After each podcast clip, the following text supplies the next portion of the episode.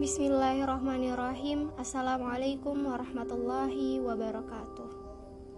Ketemu lagi di podcast Sahabat Surga Semoga untuk para pendengar diberikan selalu kesehatan. Semoga Allah selalu melindungi kita di mana pun kita berada Dan semoga Allah mem mematikan kita dalam keadaan beriman kepadanya. Amin ya Rabbal 'Alamin. Um, di malam suci ini, di malam bulan Ramadan, malam di bulan yang memang penuh keberkahan, masya Allah. Uh, dan sekarang saya juga lagi membuat podcast ini di malam sedang-sedang teraweh di masjid. Alhamdulillah di tempat saya masih boleh teraweh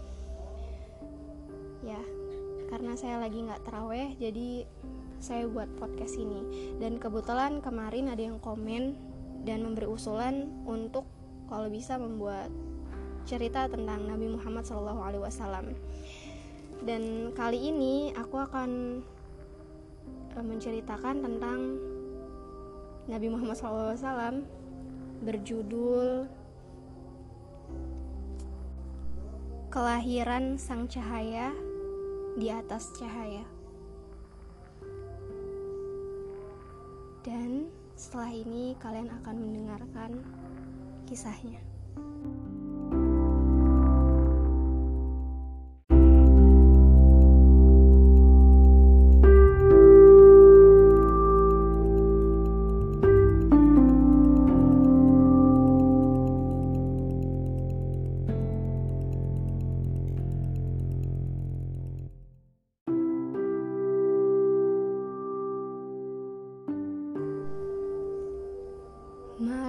Yang gelap gulita. Pada malam yang bertaburan kemuliaan dan keberkahan Tiba-tiba saja menyeruak menjadi cahaya yang terang benderang.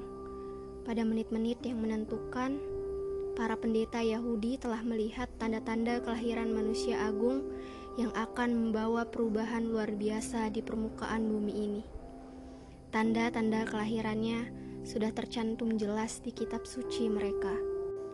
Di sana, di Mekah, di dekat bait Allah yang mulia, semburat cahaya mengiringi kelahiran sosok mulia.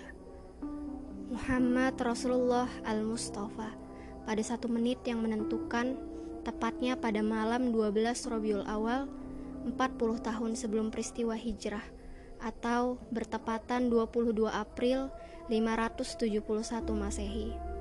Itulah para pendeta Yahudi di Madinah dengan sepenuh keyakinan berteriak dan memberitahukan kepada umatnya. Telah lahir bintang Muhammad, bintang Muhammad telah muncul. Inilah satu menit yang sangat menentukan nasib umat manusia masa depan. Kelahiran Rasulullah Al-Mustafa merupakan cahaya bagi alam semesta. Bahkan hakikat Rasulullah Shallallahu Alaihi Wasallam sendiri adalah cahaya di atas cahaya, nur ala nurin. Ada banyak dalil kuat yang mengisyaratkan bahwa penciptaan Rasulullah Shallallahu Alaihi Wasallam memang secara khusus terpilih dari cahaya terbaik yang bersumber dari nur Allah Subhanahu wa Ta'ala. Syekh Yusuf An-Nabani dalam kitabnya Al-Anwar Al-Muhammadiyah menuliskan pada bab pertama tentang asal muasal penciptaan alam semesta sebagai berikut. Manakala Allah berkehendak menampakkan kebaikannya atas makhluknya, maka dia pun menampakkan hakikat nur Muhammadiyah yang tercipta daripada nurnya. Kemudian dari cahaya itulah tercipta alam semesta keseluruhannya, baik yang di atas, malaikat, lauh mahfuz, kursi, kolam, langit, planet, dan sebagainya, maupun yang ada di bawah, bumi, manusia, hewan, jin, dan sebagainya. Allah pun mengumumkan pangkat kenabiannya, Nabi Muhammad, sebelum dijadikan Adam menjadi seorang nabi. Bahkan ketika itu Nabi Adam pun belum lagi tercipta bentuknya, keadaannya antara roh dan jasad. Berdasarkan sebuah hadis sahih yang diriwayatkan dari Zabir Abdullah Al-Ansori radhiyallahu anhu, dia berkata, "Ya Rasulullah, demi ayah dan ibuku, kabarkanlah kepadaku tentang makhluk yang pertama kali Allah ciptakan sebelum alam semesta."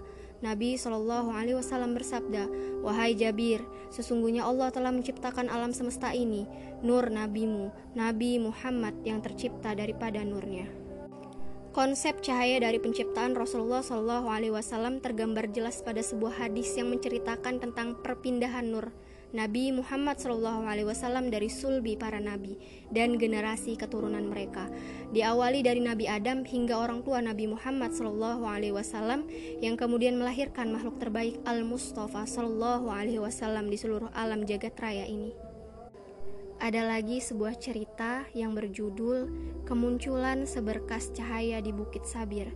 Manakala terdengar kabar bahwa akan ada penyerangan besar-besaran dari bala tentara, gubernur Yaman Abraha yang berencana menghancurkan Ka'bah di Mekah dengan pasukan gajahnya. Para penduduk kota Mekah pun panik. Mereka pun mengadukan ketakutan mereka pada pemimpin kabilah Quraisy yang sangat disegani. Ketika itu, namanya Abdul Muthalib, kakek Nabi Muhammad SAW. Kedatangan Abraha dan bala tentaranya juga telah merampas harta penduduk, termasuk ternak unta milik Abdul Muthalib yang berjumlah 400 ekor. Abdul Muthalib pun mendaki Gunung Sabir. Di sana ia mendapati seberkas nur cahaya yang terang benderang berkeliling mengitari gunung tersebut. Sebagai seorang pemimpin bagi kaumnya, Abdul Muthalib menjamin bahwa penduduk kota Mekah akan aman dan dalam lindungan Tuhan penjaga Ka'bah dengan pertanda nur tersebut. Abdul Muthalib meyakinkan bahwa pasukan Abraha hanya berniat untuk menghancurkan Ka'bah saja, bukan untuk memerangi penduduk kota Mekah. Tak berserang lama, kemudian utusan Abraham meminta untuk bertemu dengan Abdul Muthalib. Ketika Abraham menyaksikan nur Rasulullah yang memancar dari wajah dan tubuhnya yang sangat berwibawa, akhirnya Abraham pun takjim dan mengembalikan harta rampasan yang diambilnya dari kepunyaan Abdul Muthalib. Cahaya itulah yang kelak mengisyaratkan akan kelahiran Nabi mulia akhir zaman, yaitu Sayyidil Mustafa Sallallahu Alaihi Wasallam. Ada lagi cerita lain yang berjudul Ummu Salamah melihat cahaya timur dan barat. Menjelang kelahiran manusia termulia sepanjang zaman, para malaikat di langit bergemuruh mengucapkan tasbih, zikir, tahlil, dan tahmid. Mereka bersuka cita menyambut kelahiran Rasul, pilihan yang akan membawa cahaya petunjuk pada semesta alam. Ketika itu, api sesembahan kaum Majusi di Persia yang tak pernah padam ribuan tahun pun padam di malam itu. Bintang kejora yang telah lama dinantikan oleh para ahli kitab pun bersinar terang, menandakan akan kelahiran sang nabi akhir zaman. Sayyidah Asiyah serta Ibunda Maryam pun turun ke bumi membantu kelahiran Ibunda Aminah. Hingga tibalah saat yang telah dinantikan, seorang nabi terbaik pun telah dilahirkan dari rahim mulia Ibunda Aminah. Alam semesta pun bersuka cita menyambut kelahiran Al-Mustafa. Dia pun terlahir dalam keadaan bersih dan suci, telah berkhitan dan mengenai celak mata, lahir dalam keadaan sujud kepada Sang Maha Pencipta semesta alam. Kala itu, persalinan Bunda Aminah juga dibantu oleh Ummu Salamah. Setelah terlahir, Ummu Salamah membawa, menggendong bayi mungil Al-Mustafa yang mulia. Tiba-tiba saja, Ummu Salamah mendengar pertanyaan suara goib tanpa wujud. Ke mana kau bawa dia? Ada suara lain pula yang menjawab. Ke timur. Suara tanpa wujud itu pun kemudian memerintahkan, bawalah dia ke barat. Ketika itulah, menurut penuturan Ummu Salamah, ia melihat cahaya yang terang benderang, yang memenuhi antara timur dan barat, sehingga ia dapat menyaksikan kemegahan kerajaan Romawi. Semua itu merupakan kemuliaan dari kisah kelahiran Sayyidil Mustafa Sallallahu Alaihi Wasallam. Berikut puisi untuk Nabi Muhammad SAW. Duhai engkau yang tercipta dari cahaya Tuhan, cahaya yang memancar menerangi semesta alam. Sungguh, engkau hakikat yang tak dapat disingkapkan, namun kehadiranmu menyingkapkan segala hakikat yang tersembunyi menjadi terang benderang. Engkau cahaya yang menerangi dari segala cahaya yang berkilauan. Engkaulah cahaya di atas cahaya yang gemerlapan. Engkau cahaya kebenaran yang memberikan petunjuk penerangan menuju jalan keselamatan, jalan kemuliaan dalam keriduan Ar-Rahman. Sekian cerita dari Rasul kita. Rasul yang akan memberikan syafaat kepada kita di yaumul akhir nanti.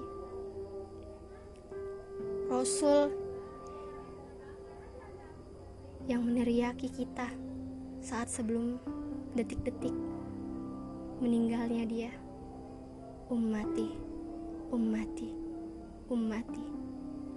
Rasul yang merindukan kita tanpa ia melihat siapa kita. Rasul yang penuh dengan kesabaran, walaupun telah diinjak-injak, tapi dia tetap meminta kepada Allah. Sesungguhnya mereka hanya tidak mengetahui, jangan, jangan beri azab mereka.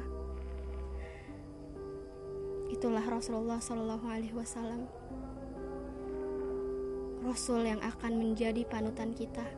Rasul yang akan memimpin kita nanti di akhirat.